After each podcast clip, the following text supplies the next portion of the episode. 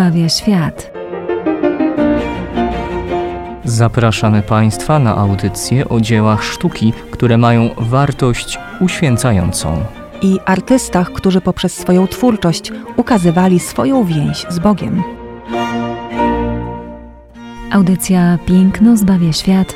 Radio Jasna Góra. Zapraszamy.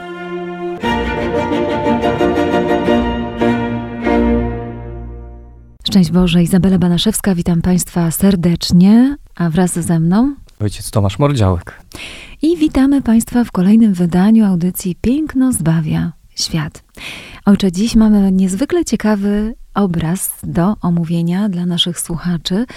No i bardzo rzadki temat, jeśli chodzi o tematy ikonograficzne. Właściwie nie spotkałam się z nim u żadnego innego artysty, tylko nasz dzisiejszy bohater, jakim będzie wielki Giorgio, czyli Giorgione, e, wenecki malarz, niesamowity wenecki malarz, malarz rewolucjonista, o tym za chwileczkę powiemy. No właśnie, on jest autorem tego, e, tego obrazu pod tytułem Próba ognia.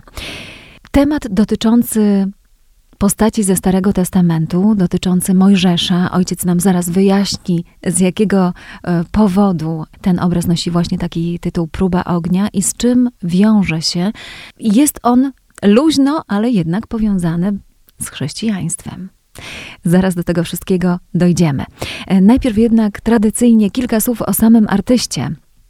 Giorgio to jego imię, nie znamy nazwiska do tej pory, a Giorgione to oczywiście przydomek. E, Przydomek mówiący o tym, że to był wielki artysta. Innymi słowy, wielki Giorgio, czyli po prostu Giorgione. Artysta e, wenecki, malujący mm, we wczesnym renesansie weneckim. E, Jeśli mówimy Wenecja, to od razu przypomina nam się e, malarstwo wielkiego Giovanniego Belliniego. O nim już wielokrotnie mówiliśmy w audycjach e, Piękno zbawia świat. E, Przyglądaliśmy się malowanym przez niego Madonnom. Jeśli mówimy Wenecja, to myślimy też o specyficznym świetle. Wspominałam tutaj Państwu wielokrotnie o tym, że Wenecja dawała bardzo wyjątkowe światło ze względu na te mgły unoszące się bezpośrednio nad miastem, które jest wyspą, które jest oblane dookoła wodą. Te specyficzne właśnie klimaty sprawiły, że Wenecja stała się miejscem kolorystów. Co to znaczy? Do tego oczywiście za chwileczkę dojdziemy, ale jednym z tych, który uwolnił kolor w obrazie, był właśnie Giorgione, ta tajemnicza postać. E, Dlaczego tajemnicza? Otóż żył bardzo krótko, e, zaledwie 30 lat, zmarł przedwcześnie. No i jeśli artysta umiera tak wcześnie, jeżeli wiemy o nim niezbyt również wiele, bo jak wspomniałam na początku, nie znamy jego nazwiska, to to wszystko powoduje, że wokół niego narasta ogromna legenda. Tak też było i właśnie w przypadku naszego dzisiejszego e, bohatera. Jego kariera bardzo szybko się rozwijała, niemniej jednak była bardzo krótka, bo e, przedwcześnie umiera. Malarz, który przychodzi na świat w rejonie Veneto. Dokładnie rodzi się w Castelfranco, E, więc dla niego naturalnym było poszukiwanie miejsca do kształcenia, do warsztatów właśnie w rejonie Wenecji. Stąd domyślamy się, że pierwsze kroki stawiał w warsztacie Giovanniego Belliniego, który na ten moment był w Wenecji no, największą sławą. Natomiast wiemy, że nie tylko Giovanni Bellini wpłynął na jego rewolucyjne, raz jeszcze podkreślę, malarstwo. Wenecja generalnie w dobie wczesnego renesansu e, to region obfitujący e, w artystów. Oczywiście wiemy o tym, że renesans rodzi się we Florencji, ale uwaga, e, pamiętajmy, że w Wenecji działa nie tylko Giovanni Bellini, bo tam działa także Antonello da Messina, który ma swoje kontakty z, ze światem sztuki niderlandzkiej. Tam działa także Carpaccio. Mało tego Andrea Verrocchio, o którym wspominaliśmy przed tygodniem. On wówczas pracuje w Wenecji nad słynnym pomnikiem Colleoniego. Już za moment ten pomnik stanie na jednym z placów weneckich. To oczywiście skupia wokół tego artysty i malarzy, i rzeźbiarzy, i architektów. W warsztacie Andrei Verrocchio również e, wspominałam o tym przed tygodniem, kształci się Sandro Botticelli, kształci się także przez krótki czas, ale jednak Leonardo da Vinci. Wiemy na pewno o tym, że Giorgione podziwiał e, tego młodego artystę, Leonardo da Vinci, e, jako taki, no właśnie, e, malarz stawiający pierwsze kroki, jeśli chodzi o ten warsztat. Tam także z krótką wizytą będzie przebywał Perugino, czyli mistrz Rafaela Santi. Więc to wszystko, zbiór tych wszystkich artystów w niewielkim mieście, jakim jest Wenecja, otoczonym, jak już wspomniałam, wodą dookoła, powoduje, że staje się to region naprawdę bardzo obfitujący w artystów. Bardzo szybko tam te nowinki artystyczne przechodzą od jednego do drugiego. I talent Giorgiona być może rozkwita jak błyskawica właśnie dlatego, że potrafi on w mistrzowski sposób skorzystać z tych wszystkich inspiracji płynących z różnych kierunków. Będzie malował dzieła o tematyce świeckiej, ale stworzy także kilka dzieł religijnych. Czy dzieło, na które dzisiaj spoglądamy, Próba ognia, przypomnę, to jego tytuł, jest dziełem religijnym czy świeckim? Wydaje się, że było zamówione przez osobę świecką, no i wydaje się, że nie przez e, chrześcijanina. E, za chwileczkę do tego wszystkiego dojdziemy. Ja jeszcze dokończę tylko ten rys biograficzny naszego Giorgiona. E, Giorgio Vasari, autor biografii słynnych malarzy, wspominał o tym malarzu, przytoczę Państwu cytat, że był on uprzejmym, wyrafinowanym i najbardziej czarującym spośród mężczyzn. Według niego miał też trzy wielkie pasje: malarstwo, muzykę i miłość. No i podobno właśnie ma to związek z jego przedwczesną śmiercią, ponieważ był to również czas, kiedy Wenecję dotknęła fala zarazy, a Giorgione, nie zważając na szalejącą epidemię, odwiedzał swą ukochaną, która była właśnie dotknięta chorobą, co stanowiło później bezpośrednią przyczynę jego śmierci. No i rys, że tak powiem, stylistyczny jego malarstwa. Giorgione, drodzy Państwo, jest wynalazcą tak zwanego stylu maniera nuowa, czyli stylu nowoczesnego. Maluje bez wcześniejszego sporządzania szkicu, czyli praktycznie nie używa mm, ołówka, nie używa szkiców w obrazie, co było absolutnie na ówczesne czasy nowatorskie, bo było obowiązkowe, przynajmniej w twórczości wielkiego Giovanniego Belliniego. A teraz już bezpośrednio wędrujemy do naszego dzieła sztuki, do naszego obrazu, do tego nowatorstwa. E, ja jeszcze oczywiście powrócę, ale najlepiej będzie jak gdyby tego nowatorstwa poszukać bezpośrednio w naszej tablicy, bo jest to faktycznie tablica olej na desce. Próba ognia, czyli innymi słowy. Próba ognia co dokładnie nam się e, pojawia gdzieś w umyśle, na pewno gdzieś właśnie kwestia Starego Testamentu. Prorok Eliasz, możliwe, kiedy komfortował się z prorokami e, Bala e, na zasadzie, który Bóg jest mocniejszy, który Bóg okaże swoją moc, próba czy to wyzwanie polegało na tym, że ofiara zostanie spopielona tylko i wyłącznie mocą Bożą. E, oczywiście wygrał w tym nasz Bóg i prorok Eliasz, ale to nie to nie o, ten temat. To nie o tym. Dokładnie. Nie, Możemy się pytać, czy to nie chodzi o trzech y, młodzieńców w piecu ognistym. Ale to też nie ten temat. Dokładnie. Bo tam też pojawia prawda. się E, ogień, temat ognia. I pewnej jakiejś próby, ale na pewno e, bardziej gdzieś znane nam e, postaci czy sytuacji będzie skrzewem gorejącym. Dokładnie tak. I postacią Mojżesza. Tak, co zgadza się tu tylko i wyłącznie postać, ale jednak nie miejsce i akcja. Czyli już jesteśmy coraz bliżej jak Mojżesz. E, co jest to związane i o czym mówi próba ognia? Otóż, e, drodzy radiosłuchacze, jest to fragment, e, dokładnie część Agady talmudycznej. A co to jest? Otóż jest to ludowa opowieść, legenda, aforyzm, przysłowie wybrane z Talmudu. A Talmud jest to jest księgą judaizmu i jeśli chodzi o nas chrześcijan, my jej nie bierzemy do e, swojej doktryny ale można ją uznać e, troszeczkę naciągając jako pewien apokryf e, dla nas.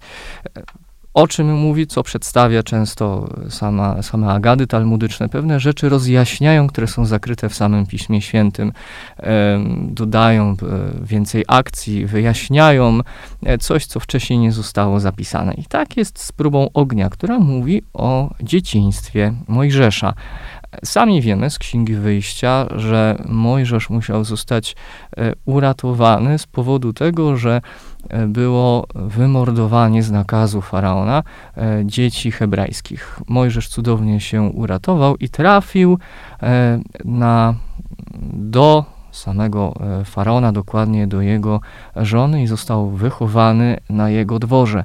Co się działo później, nie wiemy z Księgi Wyjścia, bo od razu przechodzimy do sytuacji, kiedy Mojżesz ratuje swojego pobratymca, Żyda, z rąk Egipcjanina, który go e, jako niewolnika chłoszcze. E, natomiast próba ognia mówi nam o tym, że gdy Mojżesz był sam, lubił bawić się sam faraon lubił bawić się z Mojżeszem.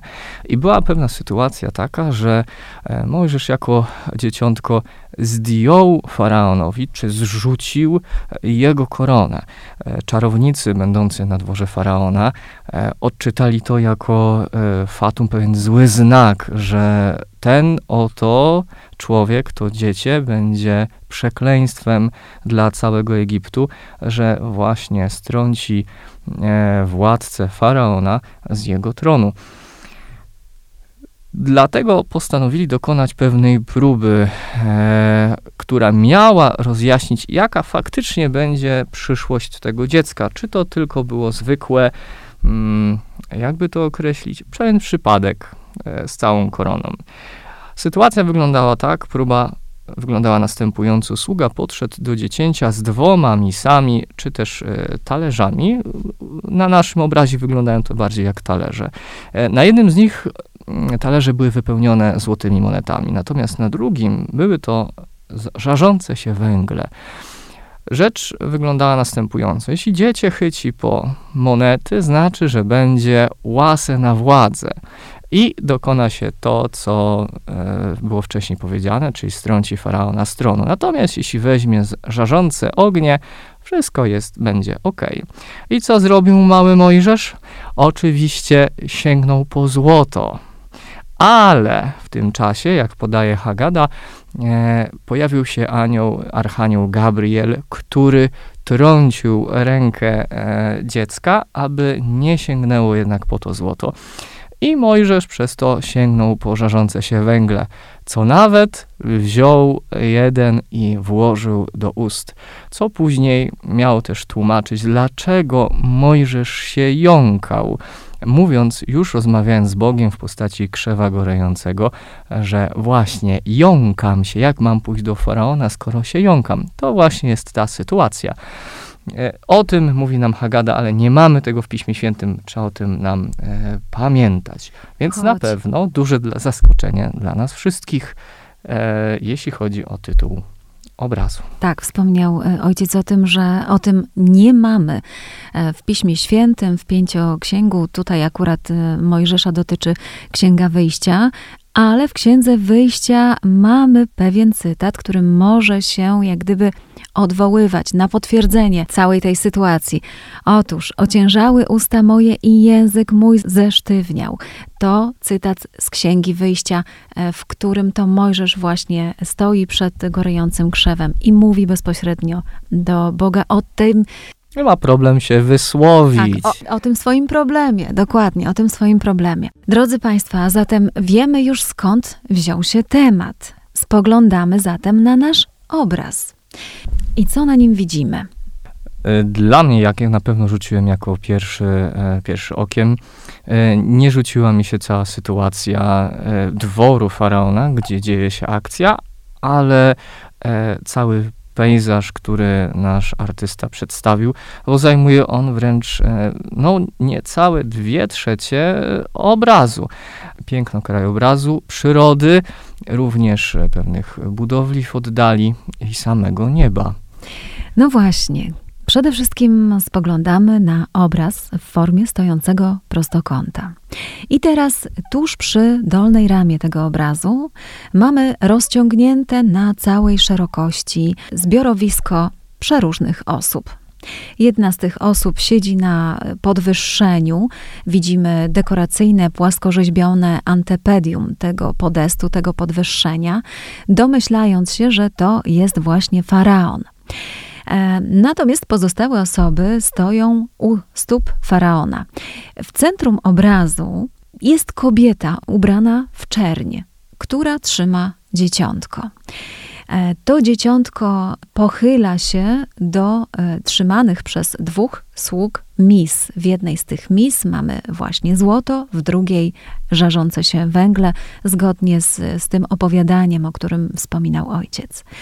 Wokół tronu faraona, no trudno powiedzieć, kogo tutaj mamy. Zapewne jakieś jego sługi, mamy strażnika, mamy doradców, być może jest tutaj również i czarownik, e, który to przepowiadał faraonowi, że Mojżesz może chcieć strącić go z tronu. No więc e, są to osoby zgromadzone wokół e, właśnie podestu, stojące przed tymże podestem, na którym zasiada władca. Ale, tak jak wspomniałam, te osoby stanowią tylko jedną część tego obrazu. Jest to dość dużych rozmiarów tablica. I teraz proszę sobie wyobrazić, że osoby te można by zmieścić w jednej trzeciej e, wysokości całego dzieła sztuki, a pozostałe dwie trzecie stanowi pejzaż. No i to nas zaczyna zaskakiwać. Jak to? To co tak naprawdę jest głównym tematem obrazu? Tytuł jest oczywiście podany, ale co jest tematem obrazu, tak? W tle pejzaż, niezwykły pejzaż, z ogromną przestrzenią, malujący nam gdzieś w oddali na linii horyzontu e, góry. To pejzaż, który absolutnie nie nawiązuje do, mm, ani do Ziemi Świętej, ani tym bardziej do Egiptu. E, mamy tutaj pejzaż jakiejś górzystej krainy. E, w tle zamek, można by przypuszczać, że jest to e, siedziba fundatora tego obrazu, zleceniodawcy tego obrazu. Można też przypuszczać, że zleceniodawcą była Katerina Cornaro, z którą Giovanni utrzymywał dobre relacje i która przez wiele lat e, była jego mecenasem e, sztuki, łącznie z tym, że sama zamawiała wiele dzieł u niego i polecała go swoim znajomym. Dodajmy tylko, że Katerina Cornaro była królową na wygnaniu, królową Cypru, a więc może może to być jak najbardziej wskazywać e, tutaj na e, jej siedzibę, chociaż nie mamy na to żadnego potwierdzenia ani dokumentów na to wskazujących. Ten zameczek widzimy naprawdę w oddali. Interesuje nas również ta płaskorzeźba. Ona bardzo mocno nawiązuje do antyku.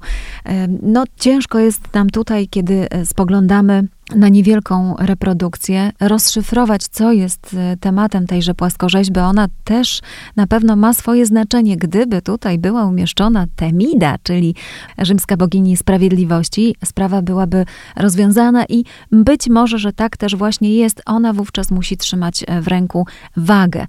I jest tutaj, dokonuje się tutaj, jakby nie patrzeć, sąd nad małym Mojżeszem. E, od tego, co wybierze Mojżesz, zależy, czy straci on za chwilę swoje życie, czy też je zachowa. Dalej zajrzyjmy jeszcze w ten krajobraz.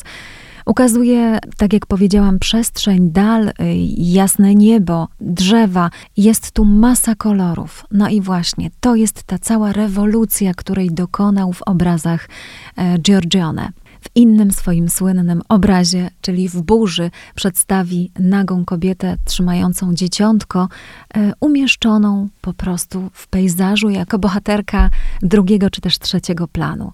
Tak maluje Giorgione. E, równoważy, jest to tak zwana synteza pejzażu i postaci, czyli wzrasta do niezwykle ważnej rangi pejzaż, staje się na równi ważny z postaciami. To jest jedna rzecz.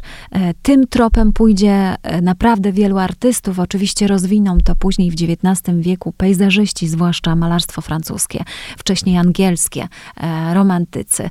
Ale spójrzmy jeszcze na jedną niezwykle ważną rzecz, o której wspomniałam na początku. Giorgione nie używa konturu.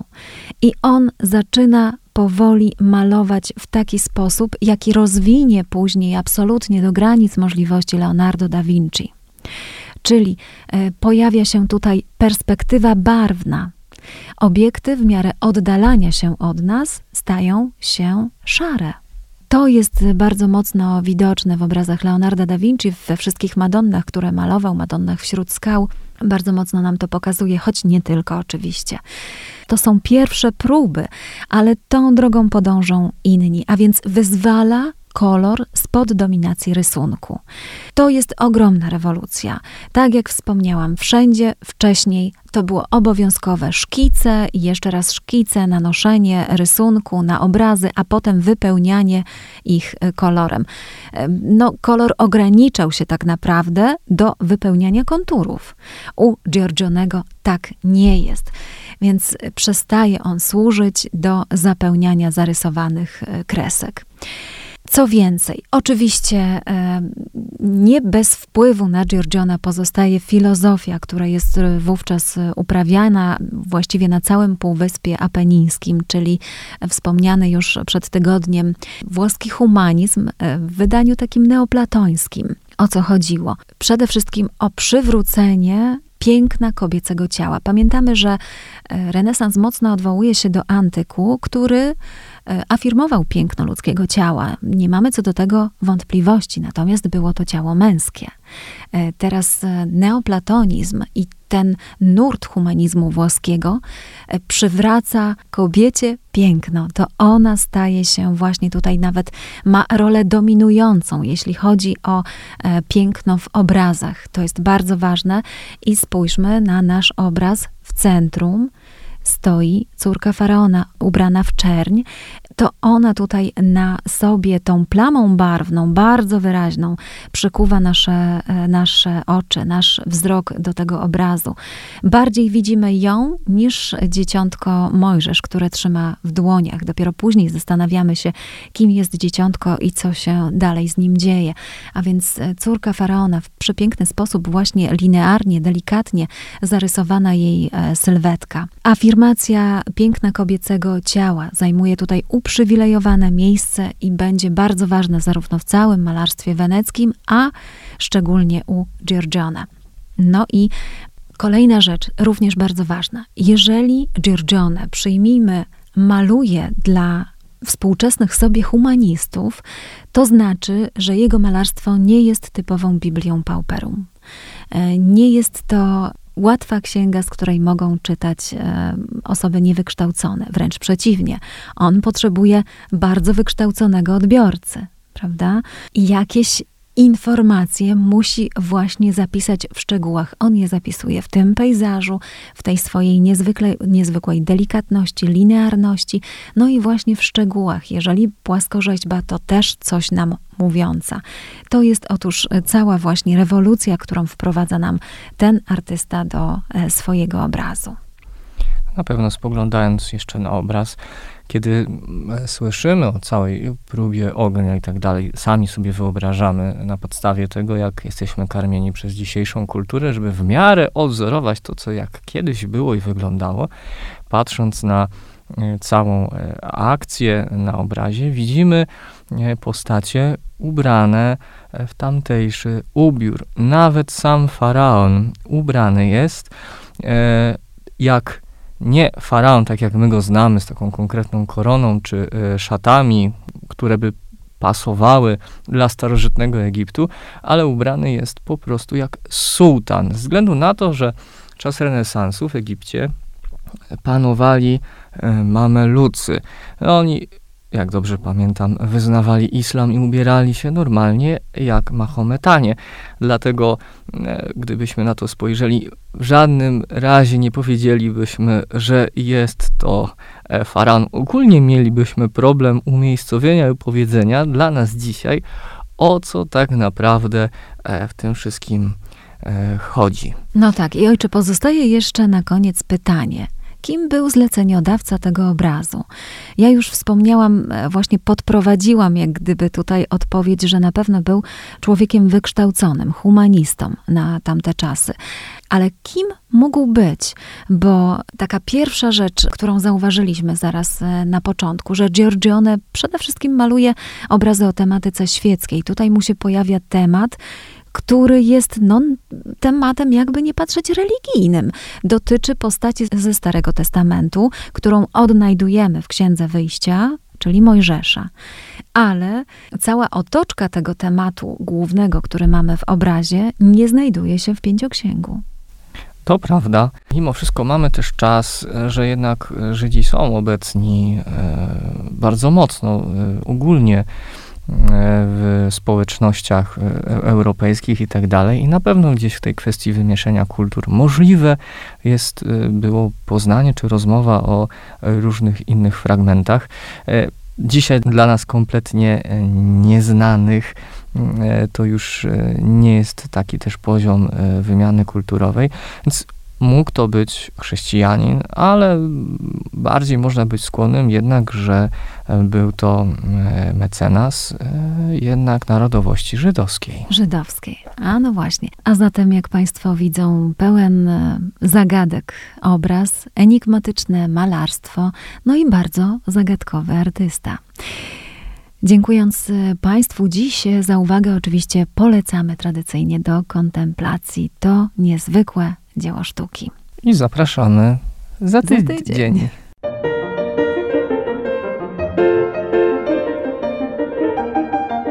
Piękno zbawia świat. Zapraszamy Państwa na audycję o dziełach sztuki, które mają wartość uświęcającą i artystach, którzy poprzez swoją twórczość ukazywali swoją więź z Bogiem. Audycja Piękno zbawia świat, Radio Jasna Góra. Zapraszamy.